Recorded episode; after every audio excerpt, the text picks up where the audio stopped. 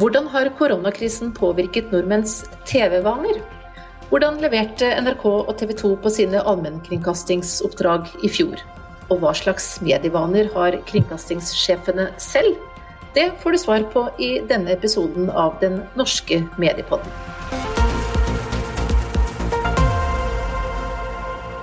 Da kan jeg ønske NRK-sjef Tor Gjermund Eriksen og TV 2-sjef Olav Sandnes velkommen til eh, Mediepodden. Takk skal du ha. Tusen takk. Vi kjører fortsatt eh, koronarestriksjoner og sitter på hvert vårt sted og gjør dette podkastopptaket digitalt, men dere er vel eh, begge vel vant både med hjemmekontor og fjernstyrte løsninger etter denne våren? Vi er vel blitt vant til ting som vi, som vi på en veldig rask måte. Og det er klart at En del av de vanene vi har lagt til oss nå, de kommer vi til å fortsette med også når korona er over.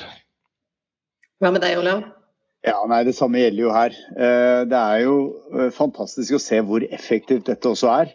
Eh, og så gir det også litt nye utfordringer. Så, så Bl.a. hos oss så fokuserer vi mye nå på å ha bilde på når vi har videomøter. Fordi du, du, du, får en liten ekstra effekt av å se hverandre også, tross alt. Mm. Men hvis vi skal ha en liten refleksjon da, rundt det, Mari, så, så, er det jo fantastisk hvordan vi har lært oss å bruke da, ulike samarbeidsplattformer, og vi kan jobbe fra alle steder. Men vi har også lært hvor viktig det er å møte folk. Sitte rundt samboere, drive kreative prosesser. Uh, ha kvalitetsprosesser. Uh, så, så jeg, jeg, jeg, spyr neste gang noen sier at det er så fantastisk med Teams og Skype, og det er det, men det er også Vi trenger noe annet også. Ja, vi trenger ja. hverandre òg, altså. jeg tenkte vi skulle snakke litt mer om uh, koronakrisen innledningsvis. For hvordan har denne perioden vært for dere i NRK, Turheim? Men hvis vi ikke bare tenker på sånn det praktiske med hjemmekontor og tekniske løsninger osv., men også i, i, den rollen dere har hatt som uh, allmennkringkaster og som uh, viktige mediekanaler i en uh, sånn krisesituasjon? Eh, nei, altså det, det, har jo vært, eh, som du sa, jeg skal ikke si mye om det praktiske, men selvsagt har mye av vår virksomhet stoppet opp i den forstand at, at eh, vi også skal drive med smittevern og sånn. Men når det er sagt, så har jo vi opplevd Jeg har vært sjef her i syv og et halvt år, jeg har aldri opplevd en periode hvor jeg føler at vi har oppfylt liksom, det grunnleggende oppdraget vår på en bedre måte. Vi har fått mer positive tilbakemeldinger. Uh, altså Informasjons- og aktualitetsbehovet blant hos publikum har vært helt enormt. Uh, og jeg håper at vi har oppfylt vår del uh, av den. så jeg tenker at denne tiden har vist at det er veldig viktig å holde seg med en allmennkringkaster som, som NRK. da. Så vi, vi, vi, satte veldig fort noen prioriteringer. Første pri var aktualitet og nyheter. Og så var det aktualitet og nyheter og, og eh, fellesskap for barn. Det var faktisk vår andre prioritet. Og den tredje prioriteten var å komme, prøve å holde produksjoner som eh, samler folk.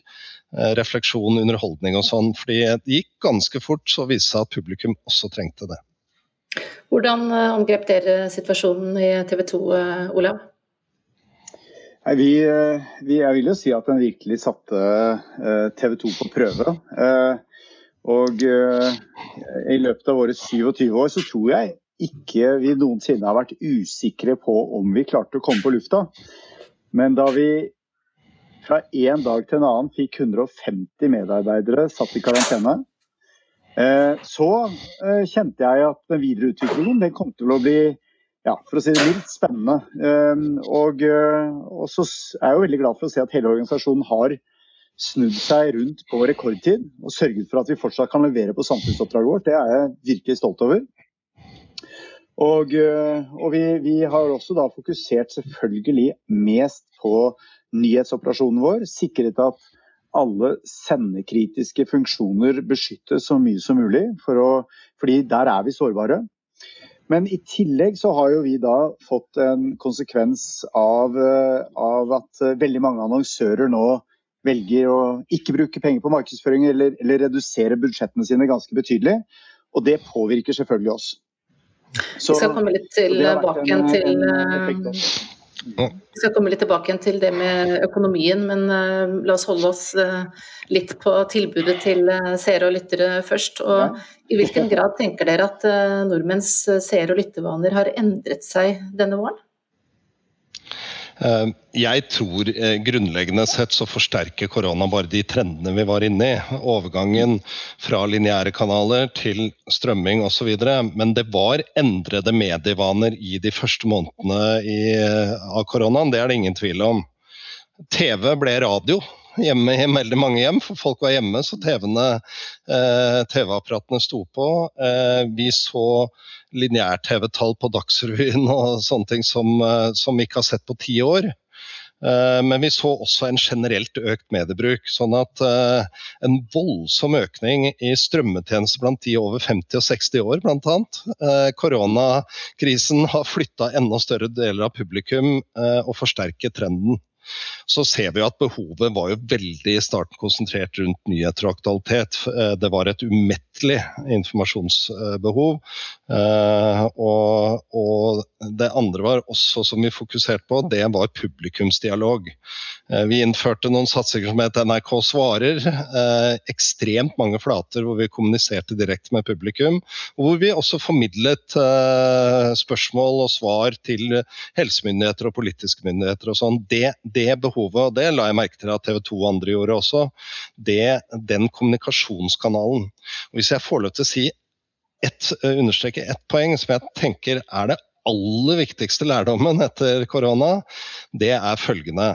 At ja, vi har bestått prøven, som uh, Olav sa, uh, under korona, mediene. Men kanskje er det når det ikke er krise, den egentlige prøven er.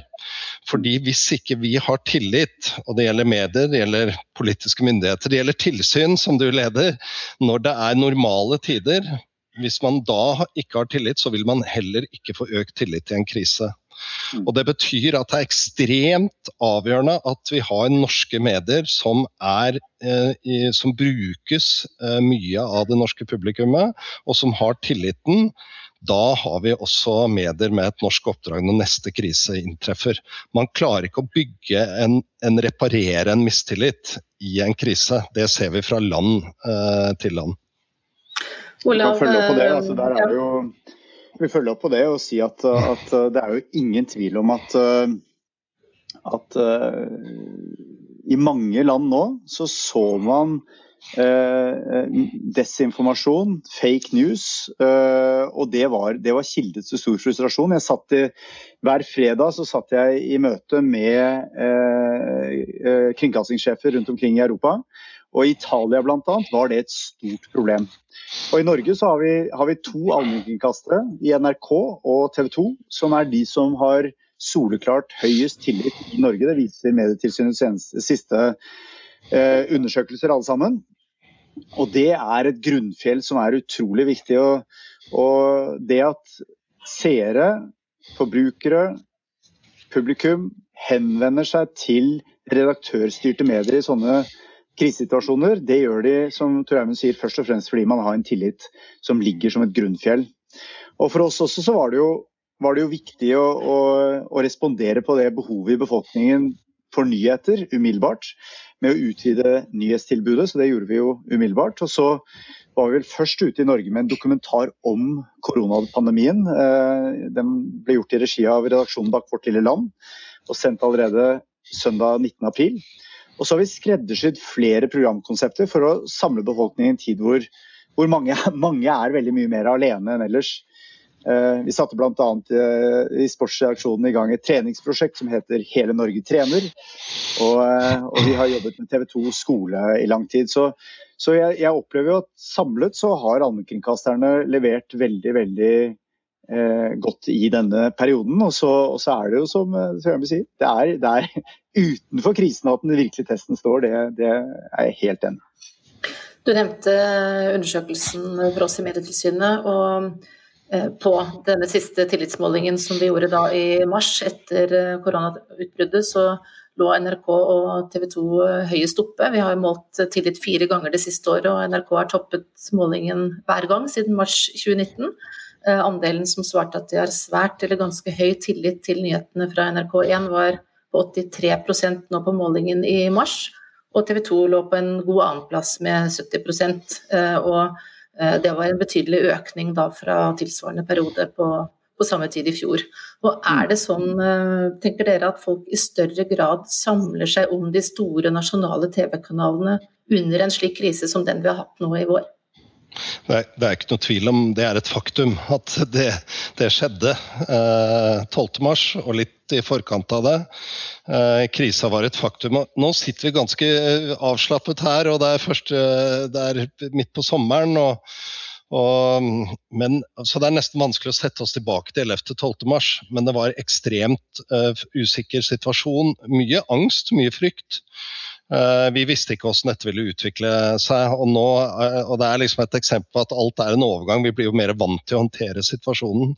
Men eh, da det skjedde, så er det ingen tvil om at publikum i Norge samlet seg bl.a. om NRK og, og TV 2, og, og økningen uh, i bruk uh, var voldsom. Jeg er ikke opptatt av de tallene egentlig. Jeg er opptatt av den funksjonen vi har i en sånn uh, situasjon. Og så er det jo ett element til òg, eh, og det er jo at veldig mange av de kommersielle har jo øh, det er i grunnen satset på to ting. da. Det ene er at de har brukt veldig mye penger på Og det er ikke noe galt i en sånn strategi, men den er ikke, den er ikke bærekraftig i en krisesituasjon. Eh, når man f.eks. bruker veldig mye penger på sportsrettigheter og betalt-TV på sport, og så har man kutta ut nyheter og aktualitet. Da er det ikke noe rocket science at man mister eh, litt posisjon eh, i en krisesituasjon. Så, sånn at, at du har to allmennkringkastere, NRK som har et veldig stort og bredt oppdrag, selvsagt, eh, men også eh, TV 2 som har et viktig nyhetsoppdrag. Da, det er en forutsetning for at eh, vi også gjør jobben. Og tilliten er jeg pleier å si tillit er NRKs forretningsmodell. Hvis ikke NRK har bred tillit, så er vi ikke i stand til å løse oppdraget. Og så har vi jo da til eh, sammenligning igjen tilbake igjen til Medietilsynets eh, undersøkelse eh, Facebook, da, som bare får 4% score i forhold til dette med høy eller ganske høy tillit til nyhetene på eller fra Facebook. Og det er vel godt nytt for de redaktørstyrte mediene? Nei, men sier jo, det sier jo egentlig at uh, i slike situasjoner så så har befolkningen behov for informasjon de kan stole på. Og, eh, og eh, jeg er jo opptatt av at eh, disse globale plattformene de, de, for all del, de har en viktig funksjon, og det er, det er, utrolig mye bra med dem. Men de er ingen erstatning for redaktørstyrte medier som, som lever av å sette søkelyset på deler av samfunnet som, som bør få bli sett i kortene. Eh, og det er, det, er, eh, det er, jo en interessant tid vi lever i nå, hvor, hvor vi ser denne fre betydelige fremveksten av sosiale medier, som har veldig mange positive sider ved seg, men som samtidig virkelig spiser inn, og ikke bare på, på, på TV 2 som, som en kommersiell allmennkringkaster, men på veldig mange andre medier sitt, eh, sitt uh, grunnlag for å finansiere journalistikken og finansiere norsk innhold. Og det, det, er jo et uh, viktig samfunnsproblem, tror jeg, i årene fremover. Ja, for Vi ser jo bl.a. at eh, de, de unge, uh, der er det mange som har sosiale medier som sin viktigste ja nyhetskilde? Gjør det at dere sover dårlig om natta, Tor Gjermund? Nei, jeg hadde lyst til å vise til en annen undersøkelse som dere i Medietilsynet uh, gjorde. Jeg tror det var rett før sist jul, eller årsskiftet. men jeg Husker ikke helt når det var, men det er ikke lenge siden. og det var og Der dere prøvde å på en, på en måte identifisere kilde, evnen til kildekritikk. Og der var jo Den farlige kombinasjonen var jo at en del av de voksne aldersgruppene de hadde bunnsolid evne til egen kildekritisk eh, kompetanse, men samtidig en eh, faktisk dårlig kompetanse til det. Eh, mm. Mens, mens unge var mye mer bevisst på det. Og, og, det vi ser, er jo at de som har fått Der, der økningen i tillit har vært størst, i denne situasjonen er faktisk blant de unge, og jeg så noen tall i dag også, det er de under 30 år. Mm. Og jeg tror det har noe med akkurat det Olav sier og det du nevner, at, at um, Eh, særlig unge er bedre i stand til å differensiere medier eh, etter om de stoler på dem eller ikke. Det betyr ikke at unge ikke bruker et stort spenn av medier som underholdning, men de er veldig bevisst på om det er ren underholdning og tidtrøyte eller festlig, og hva de virkelig kan stole på. Så jeg er litt mindre bekymret for den oppvoksende slekt, for å si det sånn. For de er eh, vant til å håndtere dette på en eh, bedre måte enn en vi som er i ja, Jeg snakker for egen del, som eh, fem, over 50 år, da. Ja. Men det å, å, få tak i å nå de, de yngre målgruppene, det, den utfordringen er vel eh, fortsatt ikke over for de redaktørstyrte mediene? Nei, det er den ikke. og det er jo klart at, eh, at eh, Vi må uh, jobbe med innovasjon, vi. For å sikre at vi når dem med informasjon som oppleves som, som relevant. Og jeg, jeg, tror jo at en del av det vi ser rundt, rundt fake news nå, og, og en utvikling der det er vanskelig egentlig I vår generasjon så har vi jo vi har jo hatt privilegiet at når vi har sett noe, så har vi kunnet tenke ja, men det er sant. Men nå sitter du med sånn deep fake-teknologi hvor du egentlig ikke kan se om det er riktig at vedkommende sier det man ser at hun eller han sier. Hmm. Og, og det gir ganske nye utfordringer. Så i, i, Bergen nå så er jo Tor Gjermund og jeg bl.a. sammen med Universitetet i Bergen eh, i gang med et utrolig viktig arbeid som, som får eh, hvor vi setter i gang et teknologiutviklingsarbeid i samspill med redaktørstyrte medier, nettopp for å kunne jobbe med denne type problemstillinger fremover. Mm. Og så snakker vi jo mye nå om de unge. Men en annen faktor som er viktig for allmennkringkastingen, mener jeg, og kringkasterne, det er jo de delene av befolkningen som vi typisk kaller nyhetsunnvikere.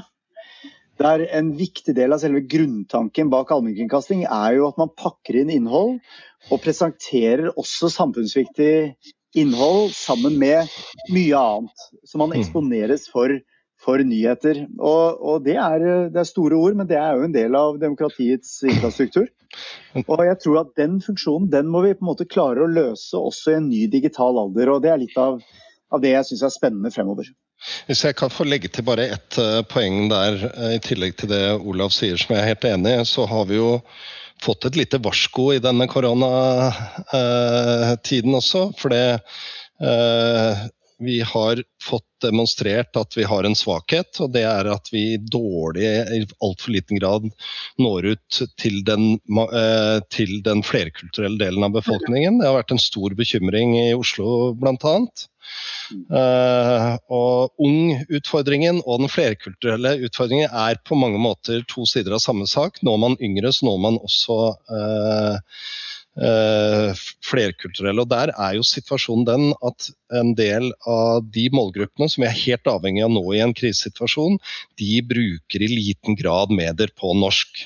Hva gjør NRK med det, f.eks.? Nei, altså, ikke sant. Og det er, Der var det jo mange da som sier NRK må lage innhold på, på arabisk og på Uh, uh, Somali osv. Og, og no, vi gjorde jo litt av det. Problemet er jo at publikum ikke er der. Uh, sånn at det er faktisk ikke noe garanti for at vi når fram om vi har innhold på det språket. Så der må vi bygge opp en tillit og en bruk over tid. og Det mener jeg er en veldig viktig, veldig viktig oppgave. Og der tenker jeg at vi skal være veldig bekymra for de målgruppene vi ikke når.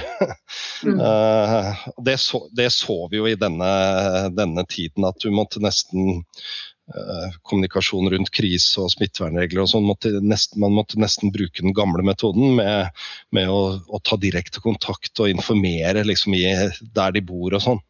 Betyr det at dere kommer til å jobbe enda tettere opp mot disse målgruppene framover, eh? Ja, jeg mener at det er et mål. Også NRK når vi, vi, når en 70% av det man kan kalle den flerkulturelle befolkningen. Det er lavere enn norske, men det er, det er, ganske høyt i forhold til norske medier generelt. Men vi ser at i en del grupper eh, de bruker nesten bare internasjonale og gjerne medier fra det opprinnelseslandet. Og Da må vi jobbe over tid. Det er ikke noe quick fix. Dette er et veldig godt eksempel på det jeg sa tidligere om, om hvis du ikke har bruk og tillit når krisa starter, så er det vanskelig å etablere gjennom en krise. Så dette må vi tenke på. Eh, dette har også eh, en side at vi som organisasjoner må utvikle oss og bli enda flinkere til å speile, rekruttere eh, det samfunnet vi er en del av. Olav, det samme gjelder, så, ja. samme gjelder oss også. Det er jo, det er jo, vi var jo i dialog med, med Folkehelseinstituttet underveis. Eh, og, og, ganske tidlig i krisen så, så var jo det her en, en, betydelig bekymring for dem. Informasjonen til de gruppene som typisk ikke konsumerer redaktørstyrte medier, norske redaktørstyrte medier. Så ja, blant annet så gjorde vi sammen med TV 2 skole så lagde vi jo informasjonsvideoer om koronaviruset og hvordan man unngår smittespredning på jeg mener det var åtte av de mest talte språkene utenom norsk, sammen med Folkehelseinstituttet for å nå ut, fordi det var en ekstra utfordring.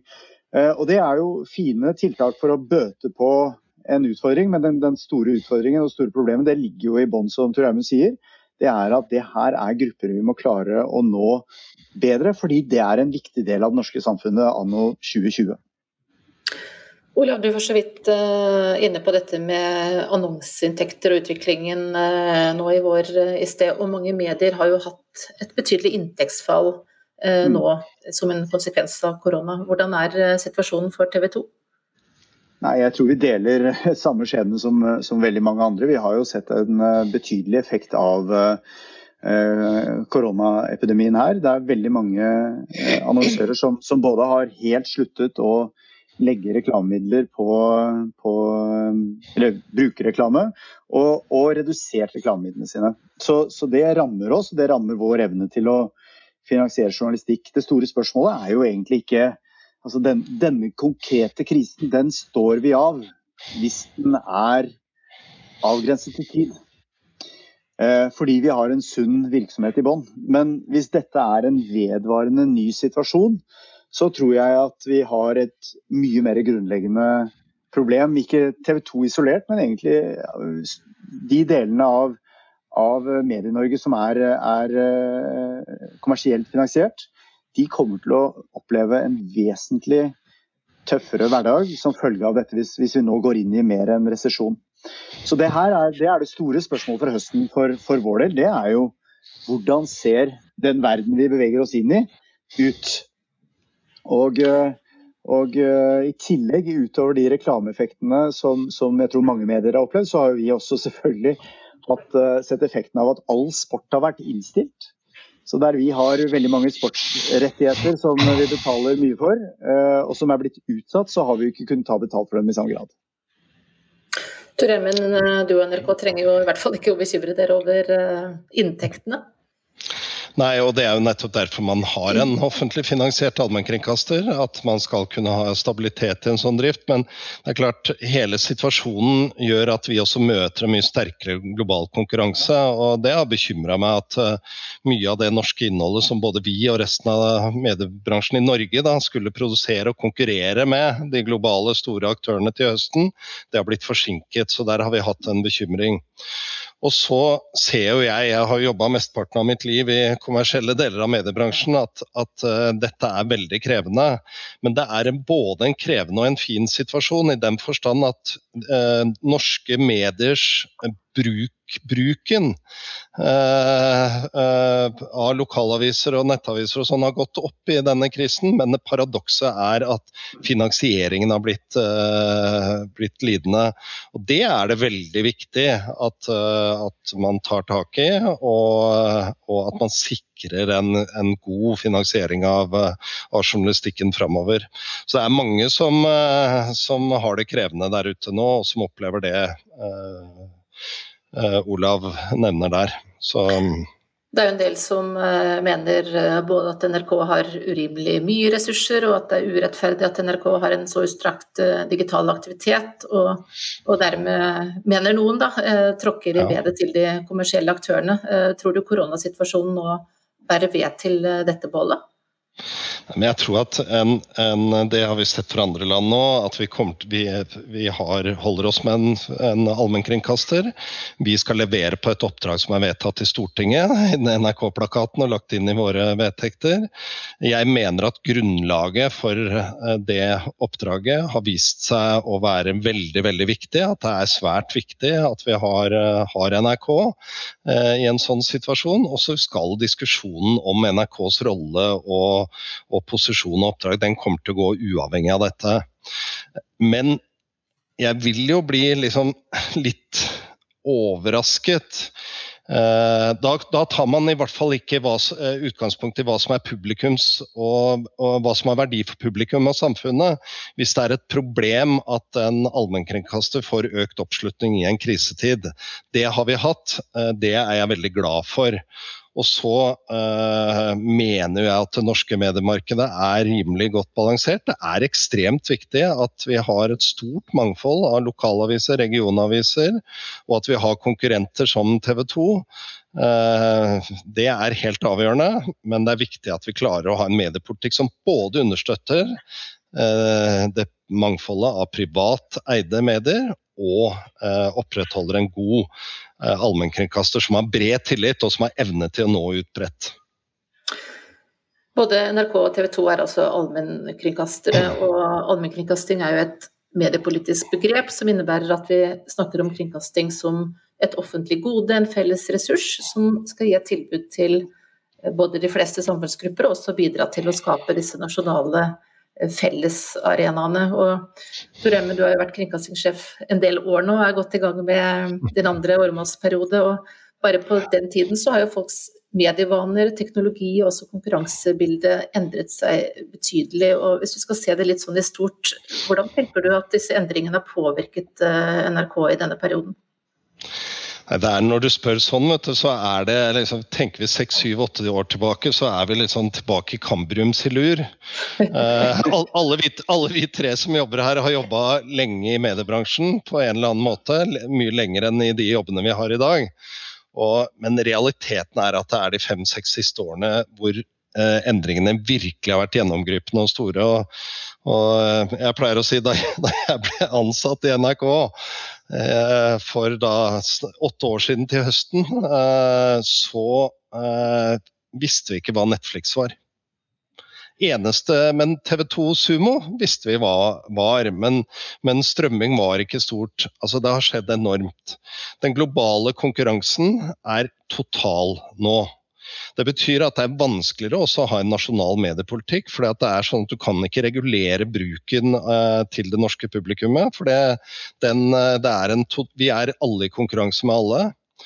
Uh, kvalitetsforventningene hos publikum, både til nyheter, men ikke minst til drama og dokumentar, er en helt annen i dag enn det var for syv-åtte år siden. Fordi ethvert program i TV 2, eller NRK, da, det velger folk i konkurranse med det beste i hele verden. Mm. Og I noen år så sa vi at det bare, bare, er drama. Nå ser vi at den globale konkurransen er på nye sjangere. Det er på, ikke minst på sport, eh, dokumentar, eh, drama, barn. Så mye større konkurranse. Forventningene om kvalitet eh, er eh, sterkt økende hos publikum. Og måten vi ja, eh, Nå skal jeg ikke bruke ordet konsumerer, men bruker det, eh, bruker innholdet, er helt annerledes. Mm. Syv år siden 90% av dramaseing var på lineær TV. I dag så er det motsatt. Mm. Da er nesten all dramaseing, i hvert fall på alle grupper under 60 år, er på, på strømme. strømming. Så det er enorme endringer og enormt mye sterkere konkurranse. Olav Sandnes, du har jo lagt bak deg nå det første året av en femårig avtale eh, mellom eh, TV 2 og staten om eh, kommersiell allmennkringkasting. Og kan du si litt om hva som har vært annerledes i TV 2s tilbud etter at dere fikk denne avtalen? Ja, jeg tror at det, vi har jo vi, jo, vi, har jo vært allmennkringkastere i nesten alle de 27 årene TV 2 har eksistert. Det var to år hvor vi ikke var det, og da opprettholdt vi jo i veldig høy grad en allmennkringkasterprofil i påvente av en avklaring. Og så, så For oss så har det jo vært viktig å, å, ikke gi opp det i den perioden vi, vi ikke var allmennkringkaster. Eh, og så ser du at det, kjern, det, som ligger i kjernen av oppdraget vårt, det er jo både eh, ha et godt nyhetsoppdrag, det, er en viktig del av samfunnsoppdraget vårt. Eh, jeg vil nesten si at det er en del av vårt DNA. Eh, vi er i en verden nå med, med siling av nyheter og store mengder fake news og fragmentering av medielandskap, eh, så, så, er det viktig å ha, ha, troverdige nyhetsaktører også utover NRK. Akkurat nå har vi vært av eh, en periode hos eh, deler av publikum eh, gjennom denne konflikten med Telia. På samme måte som NRK var av eh, med nyhetene sine en del i forbindelse med streiken. Og Det viser litt av viktigheten av å ha to allmennkringkastere. Så på innholdssiden vår så er det jo sånn også at vi skal jeg mener Vi skal jo berøre og vi skal engasjere med utgangspunkt i, i den norske hverdagen. Og Hvis du tar det Tor Gjermund sier, så er jo det veldig eh, viktig. Altså der vi ser de globale aktørene. De, de kalte, det er ikke så mange år siden de kalte oss for norske seriemestere, eller Norges seriemestere. Men, men, nå er det egentlig Det som skiller oss, det er hvordan vi eh, speiler den norske hverdagen. Og der er NRK og TV 2 i en særklasse eh, som, som, både nyhetsleverandører, men også som, som, programskapere. Og Det er jo det som har vært eh, mm. den røde tråden for oss i 2019.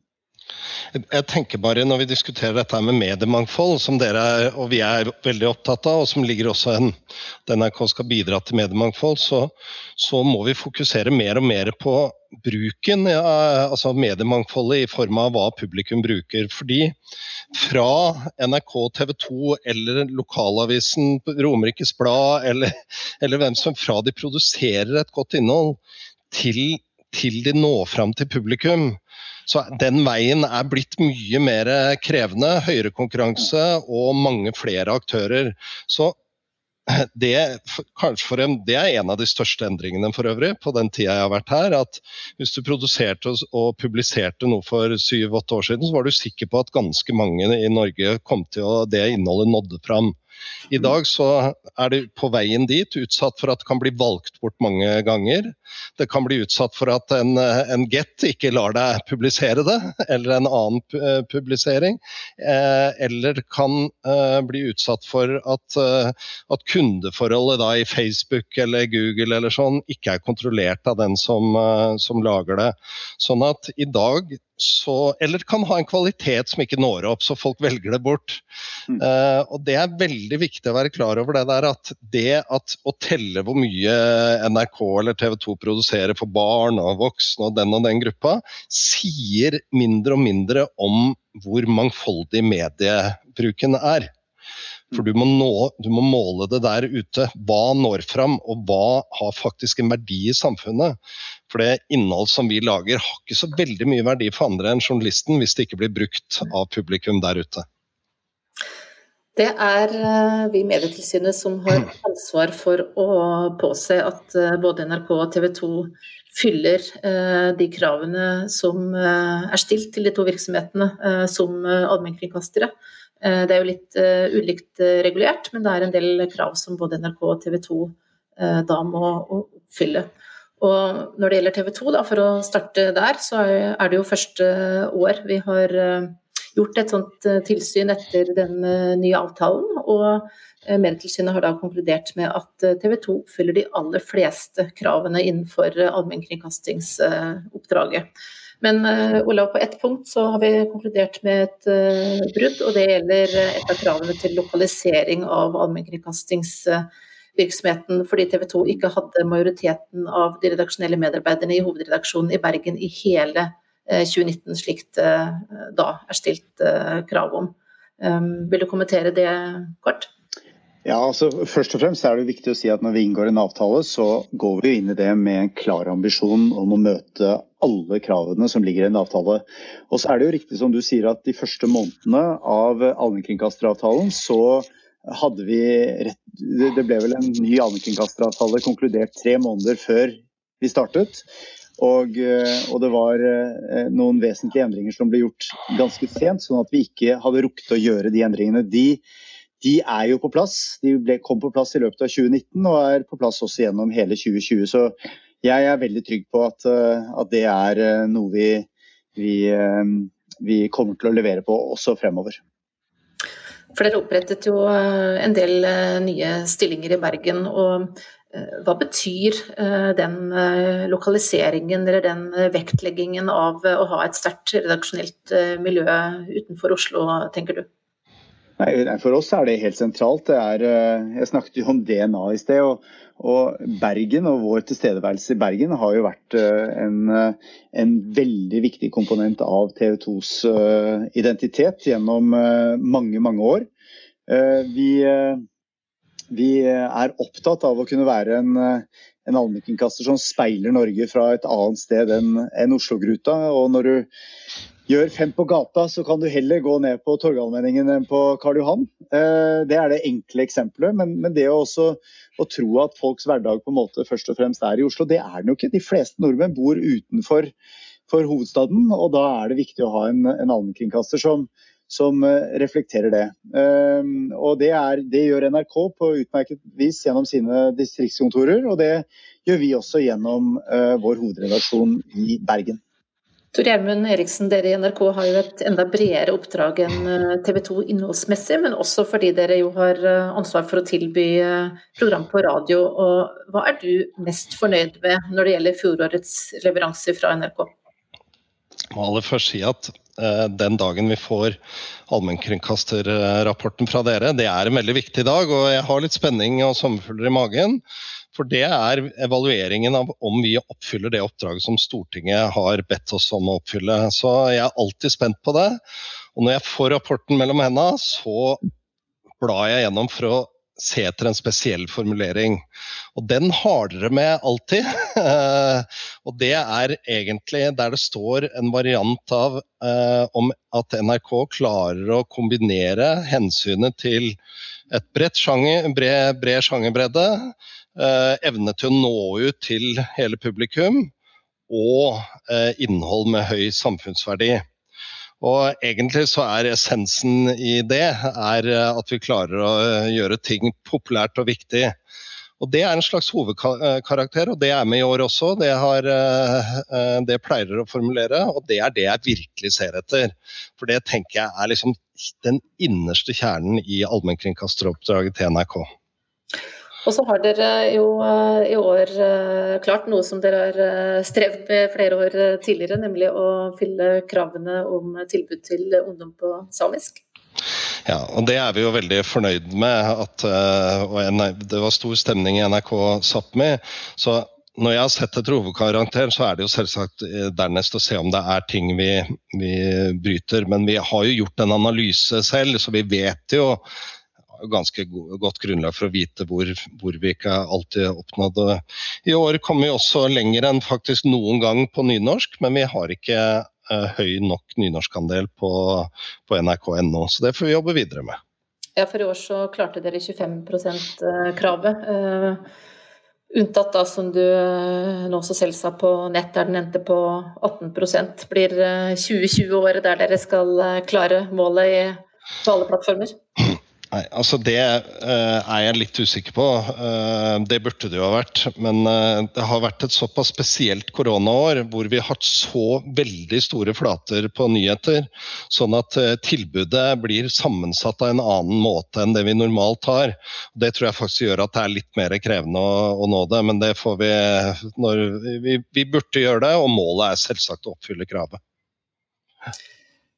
Hvis vi skal se litt uh, framover i den situasjonen vi står i nå, hva ser dere to som de største utfordringene for mediemangfoldet og for de redaktørstyrte mediene uh, i Norge nå framover? Jeg, jeg, tror at uh, hvis du ser på hele Medie-Norge, så mener jeg faktisk at det er finansieringen av journalistikken som er den største utfordringen.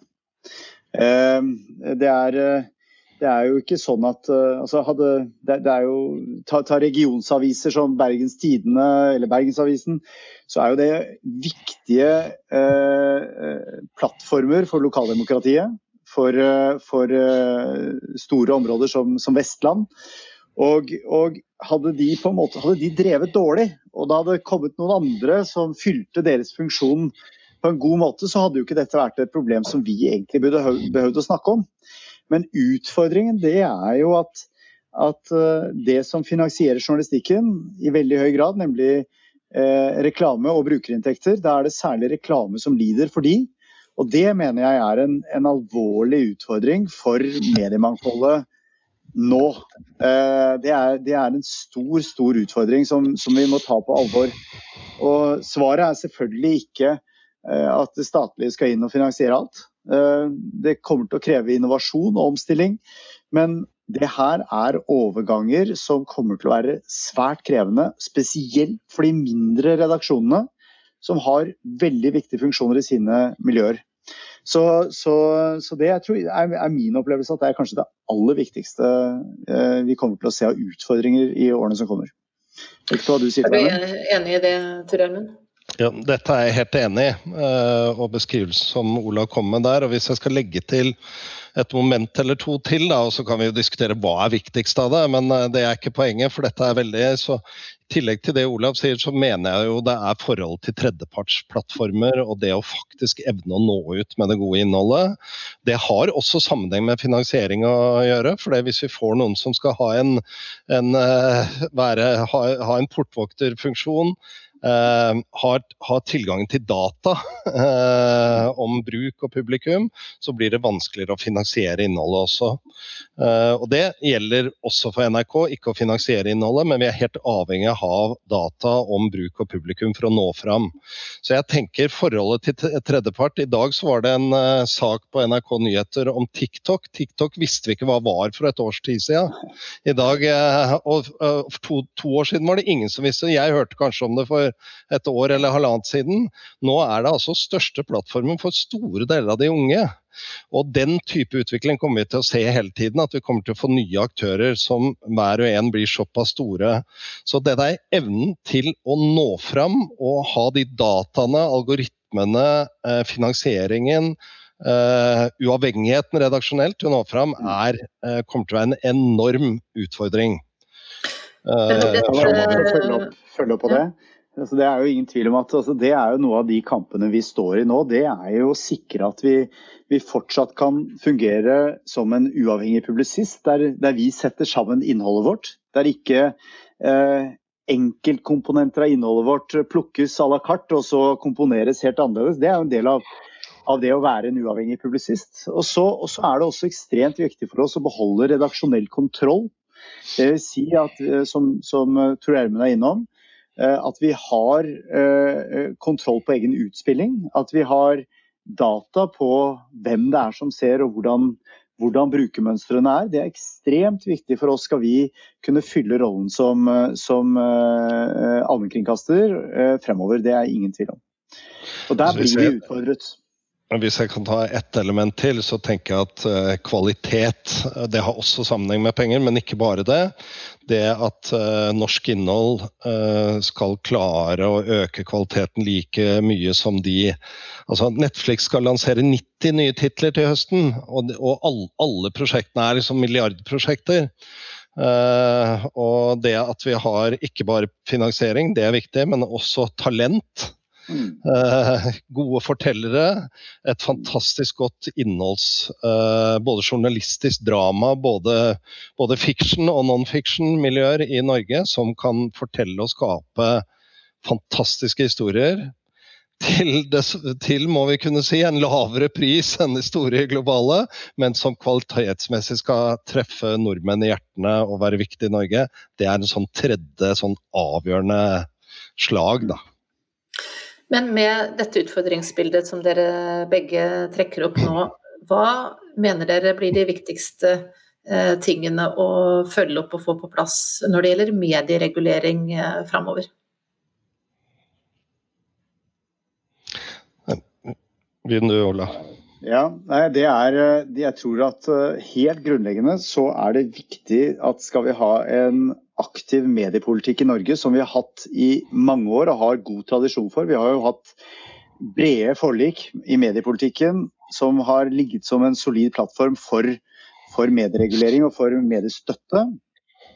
det, skal den være relevant, så må vi også gjøre jobben hyppigere enn det vi har gjort tidligere. Det betyr at eh, sånn som i Danmark, så de brede, jobber de med brede mediemeldinger hvert fjerde år. For å, fordi utviklingen går så hurtig nå. Og det, det å tro at vi kan legge tiårsplaner eller 20-årsplaner, den tiden er forbi. I beste tilfelle så må vi legge opp til mer jeg, hyppigere gjennomganger av hva som kan være relevant mediepolitikk. Først da kan du også ha legitimitet for den mediepolitikken som føres. Og, og, for oss nå, det viktige nå, det er at uh, en del av de medieaktørene som nå vil slite voldsomt med finansieringen av journalistikken, og som er sårbare, der er det viktig at vi, vi ser på de ordningene som er, og vurderer nye. F.eks. har vi en nullmomsordning som er er veldig positiv, men vi må også sikre at den bidrar til økt innovasjon og i økt uh, nyvinning. Uh, og må stilles, uh, vi må gjøre vurderinger av de, de, ordningene som er der på gode måter. Så det, det, er i hvert fall noe av det jeg tror blir viktig i, i årene framover. Har du noen ønsker til mediepolitikken, Tor Ja, men, men, jeg tror jo at vi er inne på noe i det som er sagt nå. Hvis jeg skal liksom trekke fram tre, tre punkter, så er det tangerer jo det, det samme som Olav sier, men det er en stabil finansiering og ordninger som stimulerer til riktig utvikling. Og Der må vi jo gi litt anerkjennelse med at det er jo endret, og det er blitt plattformnøytrale støtteordninger. Eh, det er fortsatt det er blitt en stabil eh, og god og ny finansieringsordning av NRK.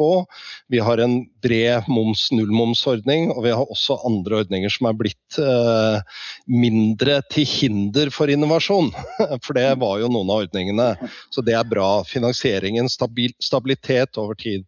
Og så er det kompetanse og innovasjon, som Olav også var innom. Det er både på forskning, og der skal vi samarbeide både i Trondheim og Bergen om noen, noen prosjekter, men også forskning på publikum. Vi må ikke bli for introverte. Hva er det publikum forventer og trenger, og hvilke, hvordan vil de ha innholdet? Men hele liksom, utdanningssektoren, videreutdanning, innovasjon i bedriftene, det er et veldig viktig område. Og så er det tredje jeg vil nevne, det er jo regulering. Og med det da er vi tilbake på dette med tredjepartsplattformer, åpenhet, transparens, eh, ikke-dominerende stilling. Eh, og der er Norge bitte lite, så der trenger vi eh, en eh, overnasjonal regulering. Eh, på reguleringsområdet så er det utrolig lite nasjonalstaten kan gjøre. og Der må vi ty til en danske som heter Margrethe Vestager. Eh, som vi for øvrig har truffet sammen en gang, Olav. eh, eh, som, eh, det, det, som, må på en måte regulere dette eh, på overordna europeisk nivå, hvis det skal være noe poeng i det. Hva er det viktigste, hva er det viktigste som bør gjøres på europeisk nivå, tenker dere på dette området? Jeg, jeg, mener jo at uh, vi må uh, jobbe for uh, å regulere noe av den monopolistiske, monopolistiske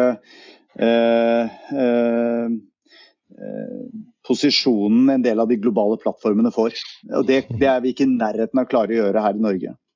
Og så har vi jo også utfordringer mer lokalt, som handler om om disse portvokterne som Tor Eimer var innom nå. Uh, bredbåndsaktører, hvordan er det de reguleres? Uh, det er jo ingen tvil om at verdien til disse bredbåndsleverandørene og, og de, de, de, har kun en verdi hvis det er innhold i dem. Og det å klare å sikre at ikke de misbruker sin posisjon, kommer til å være viktig i årene fremover. I skikkelig gamle dager snakka vi om noe som Husker dere det? Når vi snakka om nettnøytralitetsprinsippet. det høres skikkelig gammeldags ut, men det var noe fornuftig i det. Ja. Og det handler om at uh, det er ikke de som eier nettverkene som skal uh, bestemme uh, hvem som skal få publisere på dem. Eller det er samme som de, de som eier veiene skal ikke bestemme hvilken type biler som skal få kjøre på dem. Uh, og det er, det er, faktisk viktig. Og så tror jeg man kommer et stykke med mye større transparens, altså gjennomsiktighet. I dag kan uh, ja, vi, Apple, da, for å bruke et konkret eksempel, de avviste å publisere altså en video med Fantorangen. fordi Fantorangen prompa. Og det var i en video som, ja, som skulle lære barn, to-treåringer, å gå på potte. Det er god allmennkringkasting. Eh, men fordi det da ble fanget opp av en algoritme om nakenhet og barn og, og sånn, så fikk vi altså ikke publisert det. Eh, det eksempelet brukte jeg for EU-kommissær Margrethe Vestager, og hun skjønte akkurat hva jeg snakka om. Hun er dansk og vant til allmennkringkasting. Så de må være mye mer åpne om hvilke regler og policy de har, og de må forholde seg til andre. Dere, vi skal eh, begynne å gå inn for eh, landing. Sommerferien eh, står jo snart for døren, også for dere to, vil jeg tro. Og det blir vel norgesferie på dere som for de fleste av andre av oss i år, eller? Absolutt. Det blir det, litt her og der. Og jeg har kjøpt meg telt og kano, så jeg skal, på, så jeg skal bli gammel speider. Ja, og fiske, og så skal jeg litt på Hadeland. Da. Det skal sikkert du også, Mari. Det, der er det fint å være i sommerferien. Ja. ja, Olav, kan du hamle opp med dette her, eller? Nei, det, det, det, var, det trumfer greier planene mine. Nei, jeg skal, jeg kan ikke slå teltet på Hadeland?